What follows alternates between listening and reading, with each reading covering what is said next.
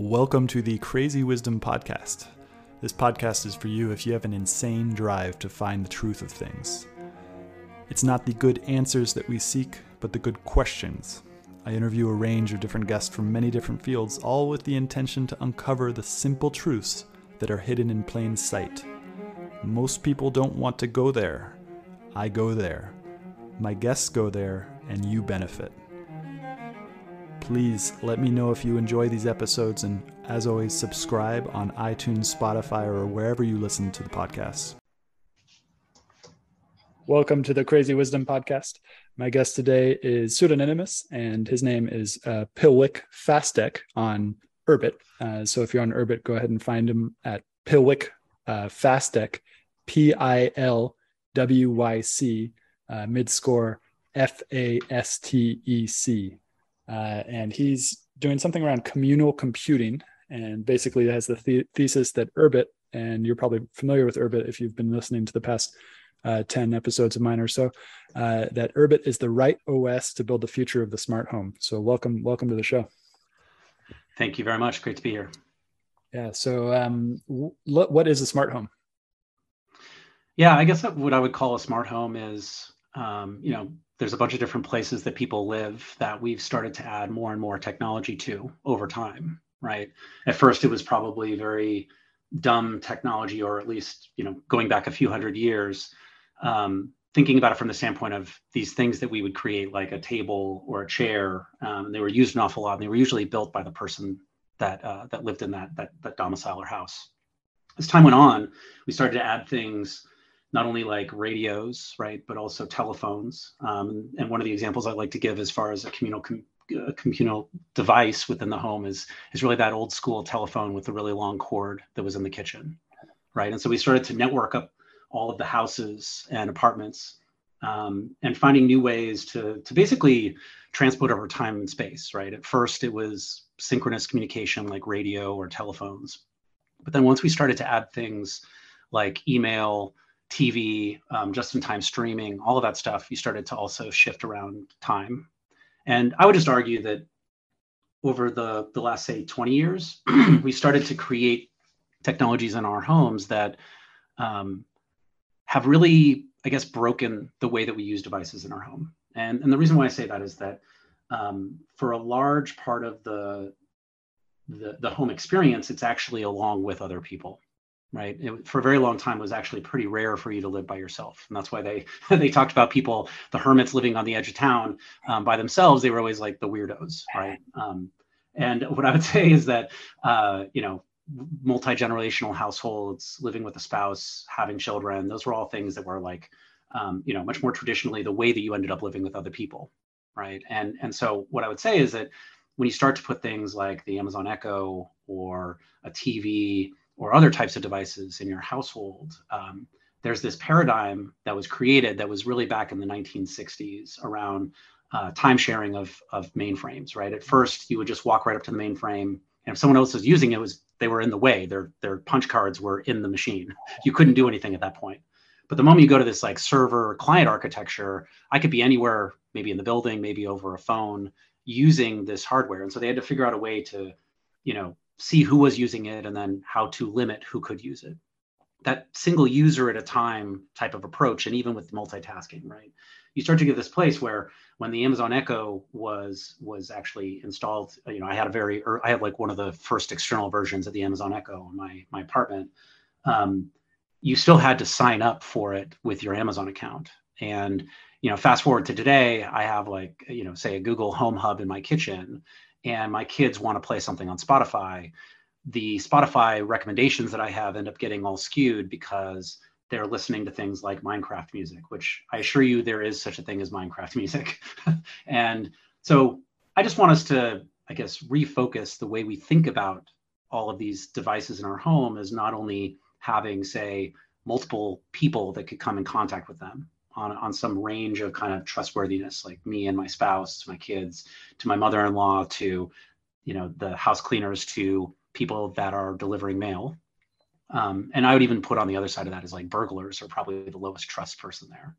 Um, to this idea now of how do they all utilize these devices? What information should they have access to? And then I think the reason why Urbit is so interesting to me is, you know, uh, there's a lot of information that's coming off of these devices that's then being sent to third parties because of the client server architecture that persists, right? And that's, you know, the large groups like Amazon, um, even though Apple goes after a lot of privacy controls, um, there's still tons of information that's coming out of my home, right? And so I think Urbit, uh, at least the the kind of grant that we were you know given, we just completed. The, I just completed the grant and published the white paper. Um, I think it really comes down to that Urbit is one of these places where we can experiment with these new models. Because I, I, I've talked to people that are at the big technology companies, talking to them about this type of change in identity or profile, and they're just like, it's too far gone. like, there's no way for us to change this right now. Um, so yeah, I'll, I'll, I'll, pause there for a second, but I, I think there's like a lot of really interesting ways for us to reinterpret the way this technology should be used in the home. Yeah, definitely. It's a very fruitful topic. Uh, this idea, I mean, I always think about I think a lot about identity, and there's this hmm. and and identity are the way that society progresses changes our own conceptions of identity, um, and so for the last 10 years with Facebook and Twitter and all these things with our private accounts, that's changed the way that we think about ourselves. Uh, just the same way that the computer changed the way that we think about ourselves, and the same way that the printing press changed our the way we think about ourselves. Um, and so, Urbit seems like a very, very amazing technology because it fundamentally gives that sense of identity a much more mm-hmm. almost rational or logical or maybe even um, in, in, integ- integral um, kind of mm-hmm. conception. Uh, and then I really like the the house thing. As you were speaking, a couple of things came to mind, particularly this time that I tried to get uh, access to both my garage and my um, gate hmm. with a uh, with an application. Uh, and mm-hmm. I still use it for my garage. It actually works great for the garage. The but then the the gate itself broke down. So, uh, but once the gate gets fixed, eventually, then it'll start working again. Um, and they have a system of user access so that I could share the user access with people and then and then block it. And that sounds a little bit mm-hmm. similar to what you're what you're thinking. Is that accurate? Yeah, I think so. And and actually, one of the big problems that came up during this uh, part of the part of this grant was to do a study um, of part, people that are Urbit users today and how they use the smart home. And mm-hmm. one of the biggest kind of indicators uh, for smart home not being used was actually this change in identity as it relates to other people in the household. And mm-hmm. so, you know, I think once people start to have a partner that lives with them or children or other kind of people that they have a relationship with and they have to worry about now like how do they actually access these services, right? How how does this person open up the gate or the garage, right? Or how do they turn on this light? Um, and then what happens to the information that's captured about them? I think people you know, I'd say about half of them ended up becoming very concerned about where that data was going. And, and so I think that's, that to me is, is really interesting when it comes to the identity of these things, right? And, and so um, another thing I would add about identity that you bring up is that in, in the case of Urbit, right, because Urbit really has this kind of peer-to-peerness baked into it, right? There's strong cryptography in the way that I sign messages and um, end up participating inside of these communities. I think that's really important when it comes to how you manage these things. I, I would say though that um, what need, still needs to be really figured out, I think, for Urbit, and I think I think for a lot of identity systems, is how do you actually involve other people in a way that is allowing them to come into, you know, maybe maybe maybe taking the orbit uh, kind of solar system and galaxy stuff to uh, maybe too far of an extreme, but like how does someone come into your orbit, utilize your services, stay for a long time, and then maybe disengage over time, right? Like how how do identities actually do that is I think a really hard question. I do think that Urbit does something really right, which is that it doesn't try to engage in kind of codifying reputation. Um, which I, I, would make a distinction between identity and reputation hmm. as identity is the way that like I sign my messages or say this is my name like this is an identifier that if you're talking to this identifier you're talking to me. That is very different i think from reputation which is how do you as a human being feel about me right? Or how does how do how have i interacted with this community in the past? And so i think that's that's another recommendation that i, I kind of give and I, I went into a little bit more depth in the urbit blog post about this but i think urbit is doing the right thing by not trying to codify um, the reputation because I would argue that as much as we want to have these clean and perfect systems around reputation, the truth is is that the human way of doing reputation which is interrelated to other people is incredibly messy right? And it and it also is it's also renegotiated all the time right? It changes as yeah. time goes on uh-huh. we take that to an extent inside of like the home. Like how would a system know what is the current state exactly of a relationship between two people in that home? And i would argue that the only two people that know that are the two people in that relationship. And honestly even in those two people they will have different perceptions of that relationship. And over time right? too. But over time it changes as well. Over time. Yeah. that's right. And and there may be changes in expectations too right? Like like the fact is is that my uh, you know I, I have kids and so the fact that one of my kids that's younger like barges into the the bedroom um, to like come and sleep with us that's going to change over time right when this kid gets older i don't want them I, the expectation of them just barging into our bedroom for example is not going to be acceptable yeah. right and, and so that changes at a certain point yeah. we want different levels of privacy right and so i think that's really interesting to me is that we should allow humans to do what humans do well which i think is and i say well because i don't think it's uh, perfect it. yeah. right um, but then we should have Urbit there as a way to to kind of sign messages and talk and build communities, especially in a peer-to-peer way, right? Which doesn't require us to then go to third parties. I think is like a very interesting future for the internet in some way. I, I like it. Uh, it makes me think about current social media and how mm-hmm. reputation has become sort of anti-fragile. That once you get above above a certain point um, of followers or reputation or whatever, uh, that you yeah. literally just can't be taken down uh, many many examples on on both sides, all sides of the political spectrum of that, uh, and they just yeah. become anti-fragile due to this strange reputation farming uh, of these centralized servers. And then Urbit comes along and is this sort of like dark space. There's like there's these yeah. communities that are hanging out and they're not searchable really. They're kind of they're kind of searchable but there won't be, really be a google and and and and you, you got to like find them and you can only find them through networks and then there's just like dark matter everywhere else and you can't i, I really like that that and it feel it feels like that's just the way society is going as well. Politically speaking it feel, feels like the a lot of the federal governments are starting to have a lot of less less power um, and with what's going on in terms of this winter in Europe might literally have less power. Um, and uh, so it feels like there's a sort of a decentralization happening among human relationships uh, that is being mirrored uh, on mm-hmm. Urbit as well. What do you think? Well, what you're talking about too, this idea of people that you know at a, at a certain level like it's it's referred to in kind of the network world like preferential attachment right? Which is that as you become famous you will become more famous because you're famous. Or the rich get richer right is like the the shorthand for it. And and so i mean there are there are a lot of cons to having that type of dynamic and it's usually because you have feedback loops inside of the system right? And so uh, i guess what i would argue when it comes to the way that urbit um, i think what's interesting in mtron um, is the, person that kind of like talks about this a little bit on on Twitter. Um, and I think there's there is something really important about the fact that Urbit doesn't have these types of kind of feedback loops or amplification loops inside of it, right? And and what that means is that it's actually harder to to understand what is going on with the community overall, right? Like you can't like we we know maybe the number of things that are being registered on chain. You know there's like there's some ways we can track certain parts of what's going on with the community but by and large there's no way to know what's going on inside of these sub communities because there's no centralized loop that's trying to actually um, mm-hmm. amplify them right?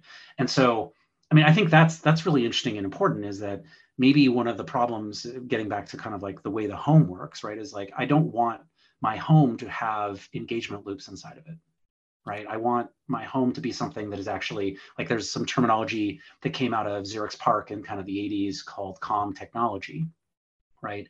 And um, it is something that I've seen other Urbit writers talk about previously in, in like what calm. I even have like a Urbit shirt that says uh, tilde calm on it. But like, how do we build technology that actually helps assist us rather than try to gain engagement? And so I think that's where the home, when we talk about the way that I like, the goal is not necessarily for all of us to engage with devices as much as possible. It's for us to live like a great life, mm. you know. Mm. And I think that means different things to different people. Um, but I, I would say, like for me, it's like spending time with my family in a way that is engaging and fun, um, is is meaningful. Like I think it's that it, it you start to get in some like interesting spaces too when you start talking about just like the technological implications of say how does a family hang out together mm. right so um, i you know like the concept around group recommender systems is something that's really interesting to me because it's not so much just about like what is what is this family probably like right? Like we one we have to know who's in the room. Um, and then two is it like is it appropriate to show this stream of things if there's say children in the room or if there's people that have different sensitivities to certain types of like content or you know like kids get scared right? Mm. um, or this idea of like what's fair right? Like fairness when it comes to rotation of what gets to be watched inside of a household is another kind of social dynamic that is is actually very hard to determine just by looking at behavioral data right? At least right now. Mm. and so uh, i think there's something again all the things that we're trying to do is is not about feedback loops so much but allowing for that kind of relationship to continue to exist and to evolve and then have the technology support those relationships in some way uh, so that brings up a question of mine between yeah. artificial intelligence and urbit mm-hmm. how artificial intelligence will integrate with Urbit. From my understanding, yeah. I hear mixed things. I hear there's a lot of hype about the recommendation engines, and they don't actually seem that good to me. Still, after years, they don't seem that yeah. good to me. Um, and. I, I hear that it's not actually artificial intelligence. It's like you know, or it's like very very weak artificial intelligence, and and that most of it's going into I don't know, like um, serving up ads and stuff like that. And so, what, what do you what do you think? Yeah, I think. Um, I, you know, I, I, work in an adjacent field around AI and machine learning um, in my other life, and uh, so, I, anyways, I have a lot of thoughts about this. I guess what what I would say is that um, recommender systems are interesting because it's not just about like what you may want to watch, but it's also in some ways hamstrung by the fact that this idea of like content licensing gets in the way. Uh, uh. And so, like, if you look at something like the Netflix algorithm, right? Um, if you just took their DVD algorithm, I would bet you that you would get better results than you would for their online content. And the reason why is because you can't get like there was there's a movie that I've uh, tried to watch a couple times. Like there's two different movies where just as recent as like a couple years ago, um, it's actually very hard to find places to watch it. It was Strange Days, which was like an early 2000 movie, and then The President's Analyst, which was I think like a late 60s movie. And um, I have VHS copies of uh, I have VHS copies of the President's Analyst. I have a DVD copy of Strange Days. It is it was nearly impossible for me to find those things online anywhere. And and so you know I, I had to you know go to go to other places like torrents and stuff like that to find like ripped VHS versions of these things. But I think that's what it comes down to is that um, the concepts of business strategy can sometimes interfere with mm, um, optimization yeah. algorithms is yeah. what i would argue. Because you know what we're really trying to do when it comes to machine learning is you're trying to find op, you know basically reducing error against some type of behavior. And yes there are some things that are really really hard to build good machine learning algorithms about right? Like like the difference between chess which is on one side of the spectrum or go which you know has a set of very simple rules right? It's not very open-ended as a system versus the idea of like crime or terrorism or uh-huh. things like that where they're inside of very open-ended systems you know the, the whole like phrasing of like the territory is not uh, the map is not the territory like it's like the idea of trying to predict stock markets right like you you have to simulate so many different things to actually do this correctly on a very long time scale that um, one, it may not be possible. And then two, I would just say like it's not always it doesn't always behoove these companies to always do what would be the best thing when it comes to these recommendation algorithms. So I, those are a couple thoughts I would add to this like mm-hmm. kind of yeah. context setting around these things. Now, what I think is really hard though, getting back to like the smart home and and under, again understanding human relationships is that you know when should um, when should these devices actually intervene in some way, right? And I think there's some benefits to technologies getting out of the way and kind of being available, trying to understand context, but also, uh, you know, not not not always making the jump to doing something automatically, right? I, I think there's there's like one interesting thing I would bring up here is that when we set up a device in the smart home, right, should it be something that is as fast as possible and that it's completely set up at first, or should it be something that you actually set up over a very long, long time period? And I would argue it's the latter because um, it's kind of like the idea of when you move into a new home, right? You set up your furniture where you think it will work. you set up your bookcases with like yeah. the stuff like frames and and uh, pictures and books and tchotchkes and whatever else you end up putting in there. But as time goes on, you start to realize that maybe these books shouldn't go in this room, right? Like maybe it's not performative enough for you when you have dinner guests over, or maybe there's kids that now need the bottom shelf, right? Or maybe you want to put up photos. You know, something my my wife does is she'll put up, um, you know, photos of the people that are coming to visit us, right? and the reason why she does that is is it, it's a little bit of like it's performative, definitely. Uh, uh, but it's also like it shows that we care uh, about those people that are visiting, uh-huh. right?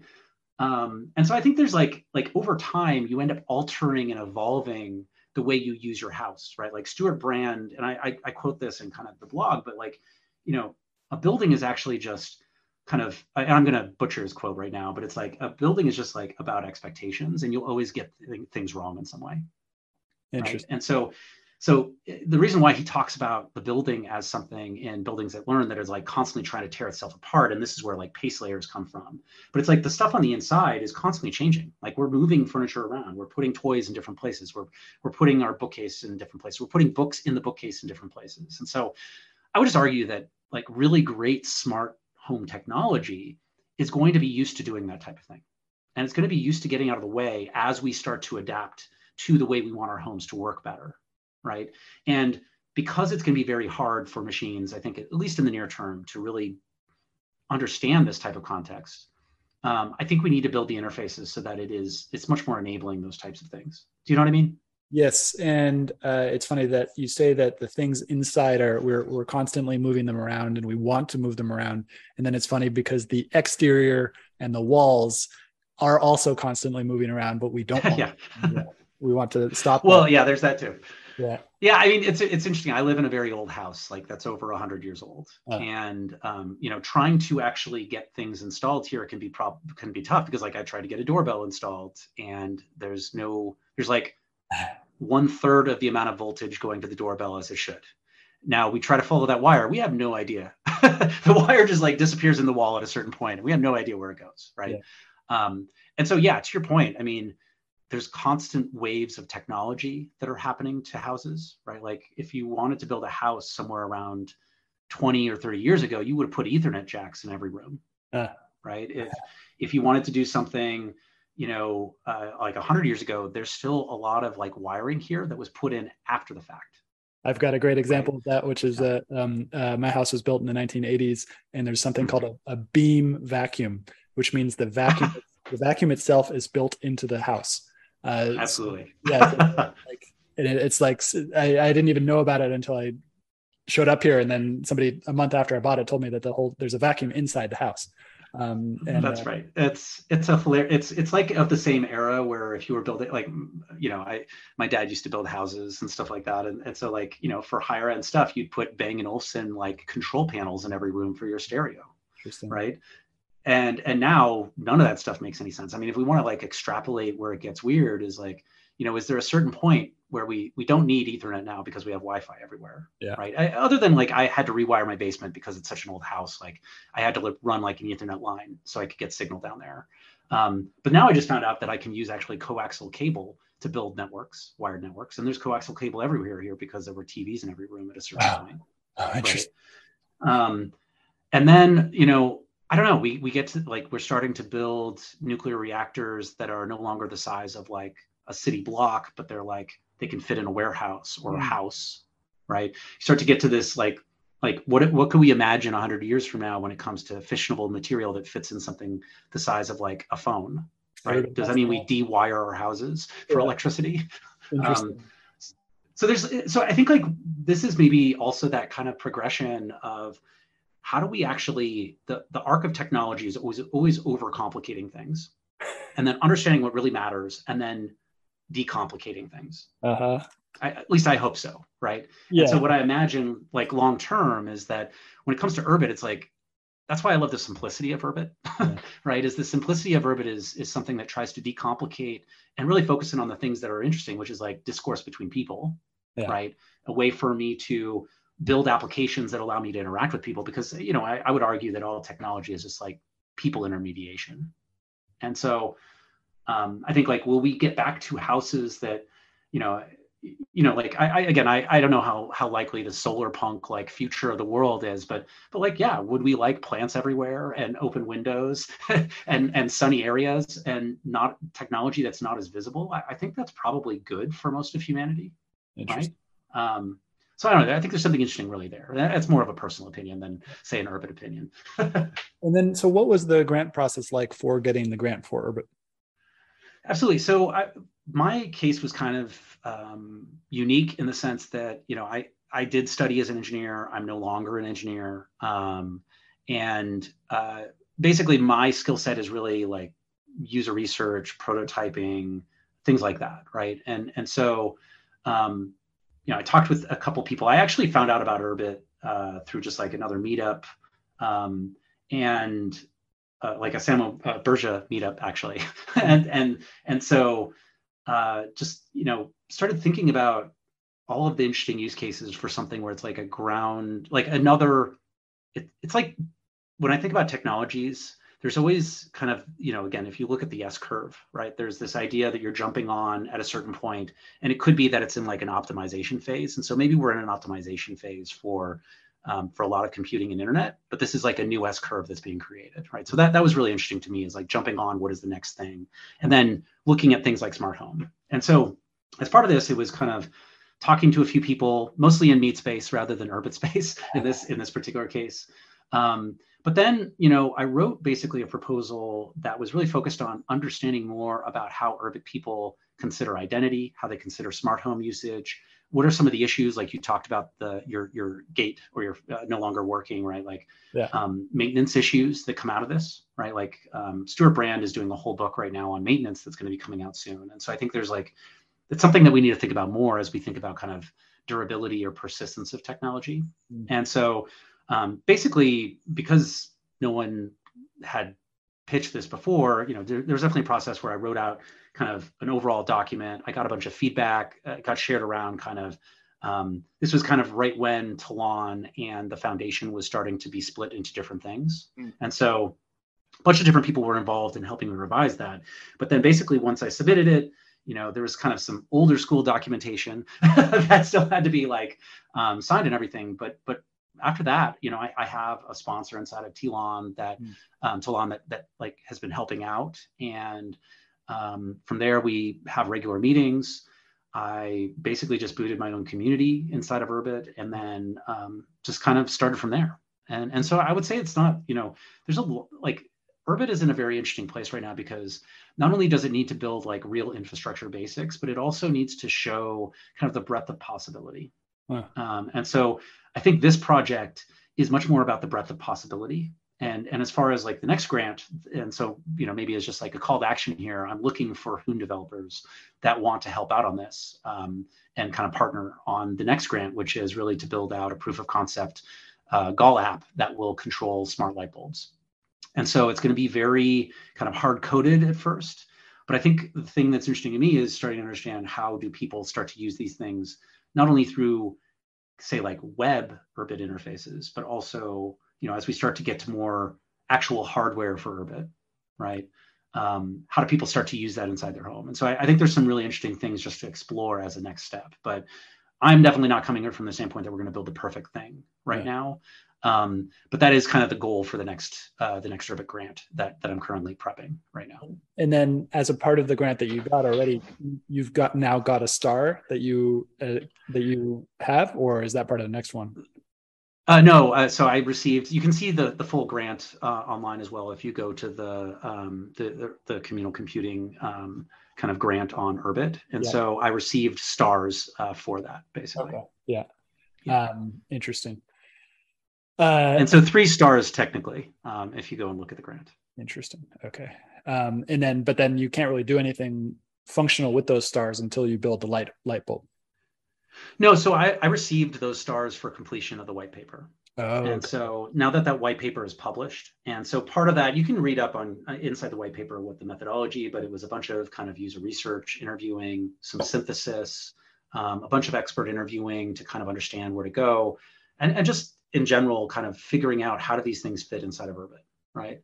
Mm-hmm. Um, I think the identity model still one of the proof of concepts is kind of should a smart home device should it be inside of a moon or should it be a comet or should it be another planet like those are some really interesting questions within kind of the, the parlance of, uh, of Urbit is, is how should these identities fit together? Um, and uh, so the next one um, is still TBD as far as number of stars, yeah. um, but that's that's where we're putting together like a grant proposal, and and that would be something where you know again like um, what I'm looking for is how do we do a lot of the research to understand what is the right thing to build. Once we build something, how does this work, and then a bunch of research and how do people start to adopt this over time. But yeah. that is something where we need to build like a fairly rudimentary Gall app and then integration with third party services. And this gets back, I just did a talk actually at Reassembly um, about kind of the smart home. And I, I, think there's a couple different places that Urbit really can uh, be installed in the home. And, and one of them is kind of this idea of the, hu- the hub or controller. Um, and there's some new standards that are coming out by the CSA, for example, called Matter, which I think are good opportunities for us to integrate with almost any type of smart home device. Um, but in the near term, that that standard is not available publicly yet. Um, it could be to eventually build like Urbit smart light bulbs, right? Um, if we can get things down to that small small enough of like a footprint. Um, I think actually long term though, what you want is you want your Urbit home computer to actually control and be the gatekeeper for the network itself. And so I think that's long term where we want to go is yeah because then you can start to say like i do i am okay with certain types of third party services being yeah. involved yeah right um, but i'm not okay with others and so i think there's something about that that is really valuable and important i think from a long like the self sovereignty of the home right um, long term so so anyways th- those are some things that i think still need to be explored but you know, there would be a bunch of additional hardware that would have to be built to turn Urbit into a uh, kind of like a router, essentially. Uh, interesting. Yeah, and the, the, uh, I was once talking to somebody about Urbit, and they said, "Oh, that sounds very aspirational," as like a pejorative. Um, and, uh, uh, and it's and it's funny because there is it, it's a it's a new OS, so it's like extremely yeah aspirational. Uh, and and what you just said is that then there has to be a whole new just giant thing that needs to be built in order to turn it into a router. Uh, and then, right. But then it's also decentralized, and there's a whole lot of smart people who are yes. extremely, extremely bought into the system um, and are like yeah. are obsessed with it almost. And um, and so it's it's it's it's a very interesting decentralized line, and it really this uh, it's just it's like the time that we live in, and it's just not only the technology is expanding rapidly and as i mentioned before it changes our sense of self um, it's just so like like this is a whole new computing model uh, that is wide open um, and yep. So we've got this whole new computing model that's wide open. Uh, urbit plays in a really integral part of that. Um, and then so where do you see this going in terms of the evolution of technology as we move from the client server relationship to the peer to peer relationship? Um, like, w- w- what is the fundamental change that we're going to see from moving to this peer to peer and this loss of centralized authority over computing?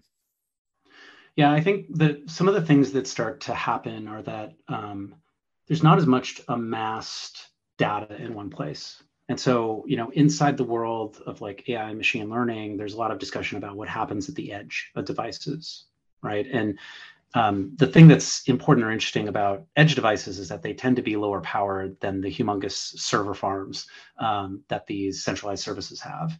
And so you need to make different sets of trade off choices. And so it not only means things like, you know, in the case of machine learning, you have to uh, a fit to adapt to a certain footprint. You have to quantize, you have to do all these different things to models that make them fit in a way that could be as small as like a device to be able to do wake word listening, right?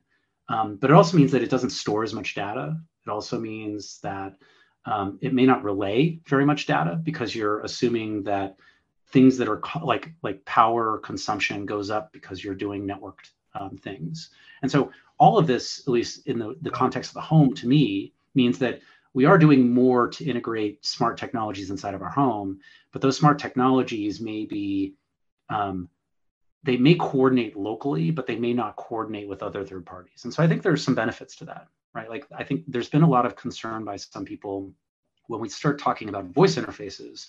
There's not the same ability for me to be able to browse a bunch of different results. So like if I ask about coffee um, via a web browser, I get a lot of different options. I can look at the way things, I, I, can see the way things look. I can talk about the cost, can talk about volume, talk about, you know, who I bought from before. When you start to talk about things like voice interfaces or tiny interfaces, much less information is conveyed. And so I think people, uh, especially like during Google Duplex, right, when that came out, which was the ability for you to ask your um, device to like book a, a, an appointment somewhere or a, re- a restaurant reservation. Um, if you have something that's very specific, you could rely on it actually telling you that uh, or actually booking that thing for you. Mm. Um, but if you're less specific, so like if you're asking Amazon to add coffee to your shopping list, um, what it does today is it mostly just like adds like a line item that you need to add coffee. But once you start to get to this realm that maybe I'm trusting Amazon in such a way, how does it decide which coffee to show there or to put in my my shopping cart? Um, and so there's there's some really interesting implications for that, right? And um, I, I think like as these interfaces start to become more ingrained in our lives, the defaults end up mattering an awful lot. And I think the defaults should be something that are very simplistic. They're probably things that uh, work well for us that are, you know, again, calm technology. They're used in a way that I can adapt over time. They will make mistakes, right? Like the reason why we end up changing something in our home over time or, or like have to adjust things is because it's not quite the right fit yet. And so I think that to me is kind of why Urbit is such a good embodiment of these types of things is that I can do whatever I want to this computer. I can decide which apps run there. I can decide which communities I'm part of. Um, and I think that that very much relates into the home too, right? Getting back to your point about identity, you know, as an individual, um, the identities that I have end up being uh, like many based on my relationships, right? And so it could be that there's like my home identity, which is probably high overlapping with like, you know, my spouse, my kids, my neighbors, maybe my PTA, you know, whatever kind of like local organizations I'm part of, probably have high overlap with my home versus my work identity, there's probably different types of communities that I'm part of that are part of that. And there may be actual intersection between work and home from the standpoint of like work friends, as we would call them, right? Yeah. Um, but then there's other identities that I don't want tangled with either of these things, right? Like if I'm a poker player or other types of extreme identities you could imagine, um, I don't want those things to be integrated. And once you start to actually put technology in your home more and more, these social relationships actually matter a lot. So it's like the idea that I have a digital picture frame. My mom also has a digital digital picture frame. I control the account that the photos are sourced from for those two digital picture frames is really beneficial because I can automatically give her photos of, of her grandkids, right? Over like just automatically. What happens though if a third party service makes decisions about what photos to put there because it's a shared account and they don't want to try to build the trouble into their service to understand the difference between those two things, mm. those two different picture frames? And so you get into a really re- weird realm around that. And so I would just argue that everything we do, I think that is like meaningful in our lives tends to be along with other people, right? It's about engaging with them or interacting with them or remembering them. Um, you know there, there's there's an awful lot we do by ourselves but i would i would argue even like one way kind of like tv watching is because someone else somewhere out there created some content right? Mm. um, so i think there's some really interesting things that start to come up as we as we think about like how urbit is beneficial to this type of home environment in the sense that i control an awful lot of it. Now mm. it could be much easier to use right? There's still security stuff that they need to work on. Um, there's still plenty of things that we need to build right? Um, so I would just say that I, I, think that's why Urbit is so interesting to me is that it's it's allowing us to kind of get off this one track of the way computing has been created so far, use a different set of principles to create a new way of doing computing, and then I think it aligns a lot with what I would say is beneficial for computing that is like deeply ingrained inside of the places that we live. Um, so I, that's why I think Urbit is is so interesting when it comes to the future of computing. And so, for the last five minutes or so, uh, are we? Is this kind of like a, a, a, reinvention of the wheel type of period? Hmm. uh, because it does seem like what you just said, like with the router and changing the router, uh, doing all these things, we're doing it all over again. But that just might be necessary due to the changing nature of networking, right? Well, yeah. I mean, we actually have the ability from through technology to engage with each other, right? For a long time, like it, it, it was other types of technology, like shipping a clay tablet to someone else, you know, or or actually just traveling yourself to that place. That was the way that we did this. Yeah. So we're we found ways to do again, like I said, time and space shifting to allow for better interaction with people. And there's a bunch of issues that come up around that too, like you know, video calling and this idea of like um, you know, uh, basically how how much do we suspend our disbelief, right, that the person is not there in front of us to be able to have a meaningful conversation. So um, and same thing with like video messaging and voicemail and all these things, right? So I don't know if it's like a new wheel, right? I would say that the new wheel was the fact that we wanted to interact with each other in a way that was like strong on social cohesion. I think that was the wheel, yeah. right? What we're doing here is we're evolving technology that allows us to repeat that pattern in many different ways. And that's why I think you know Urbit focusing on communities at first is is pretty interesting from that standpoint. Now, there are a bunch of different things that you could imagine that should exist that will be better ways for us to interact with each other that are maybe more like I, don't think skeuomorphism is necessarily the right idea. Um, maybe it is. Skeuomorphism is this concept that's like um, it's like a bridge inside of technology so that you can make it to the next adjacent possible place. And so an example of that is the fact that for a long time diskettes were how you the button you had to click to save something even though we were not using diskettes anymore right mm. so an example of kind of like something that's more modern is if you use something like miro or sketch uh, maybe not sketch but like figma where there's everybody's cursors on the screen alongside yours mm. those that, that's like a new paradigm for how we show that people are all in this document together right mm. and so i think that these are maybe not frameworks, but maybe patterns of like new ways for us to be inside of a, an async document together or to do a meeting and also look at something that's like more interesting and interactive than just projecting it on the screen. And so mm-hmm. I think more and more of these things are going to come up as patterns for the peer-to-peer network. And again, they've been happening for a long time. I'm not saying that this is anything new, but I think like Urbit embracing more of these like peer-to-peer network patterns as we start to discover them um, I think that that to me is is kind of the evolution of this stuff, right? And and how we continuously adapt for better and better ways that are enabled by technology, right? Um, to be able to interact with each other. And um, so yeah, I, I, think there's never a stopping point, right? Um, I think that's exciting um, because you know we, we get into the domain of things like open-ended evolution um, and open-ended AI, you know, if you look at the way some of these models become most resilient or adaptive, it's because um, they're not necessarily given a uh, like a true 100% like goal and environment that they have to adapt to all the time. And so I think you know humans are fairly resilient, at least within within the Earth. Um, so I think like long term, as we think about this stuff, it's like how do we evolve this over time too? Um, so yeah, I, I think it's all I think it's all related to that. But yeah, I mean, getting back to your main thing is like Urbit is the next evolution of how we actually think about this stuff, I think. Um, or at the very least, the, some of the pieces of how Urbit is making design decisions, I think will be part of the next evolution of this. Um, so I, that's why I think it's so exciting. Um, cool. Yeah. Awesome. Um, well, thank you so much for coming on the show. If you want to find him, go on Urbit and it's P I L W Y C midscore F A S T E C uh, Pilwyc Fastec. Uh, thank you so much for coming on the show. And thank I'll, you for having me.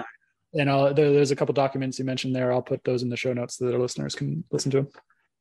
That's great. Thank you so much. And uh, thank you again. I, I, would love to just have the open call that if you're interested in writing Hoon and want to work on some smart home stuff, come find me on Urbit and uh, let's talk. Cool. Go find him. Pilwyc Fastec. Thank you. Thank you for listening. And I hope you enjoyed this episode.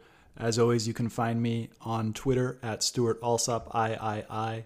Also, don't forget to subscribe on Spotify or iTunes for every weekly episode that I publish on Monday mornings. Hope you have a great day.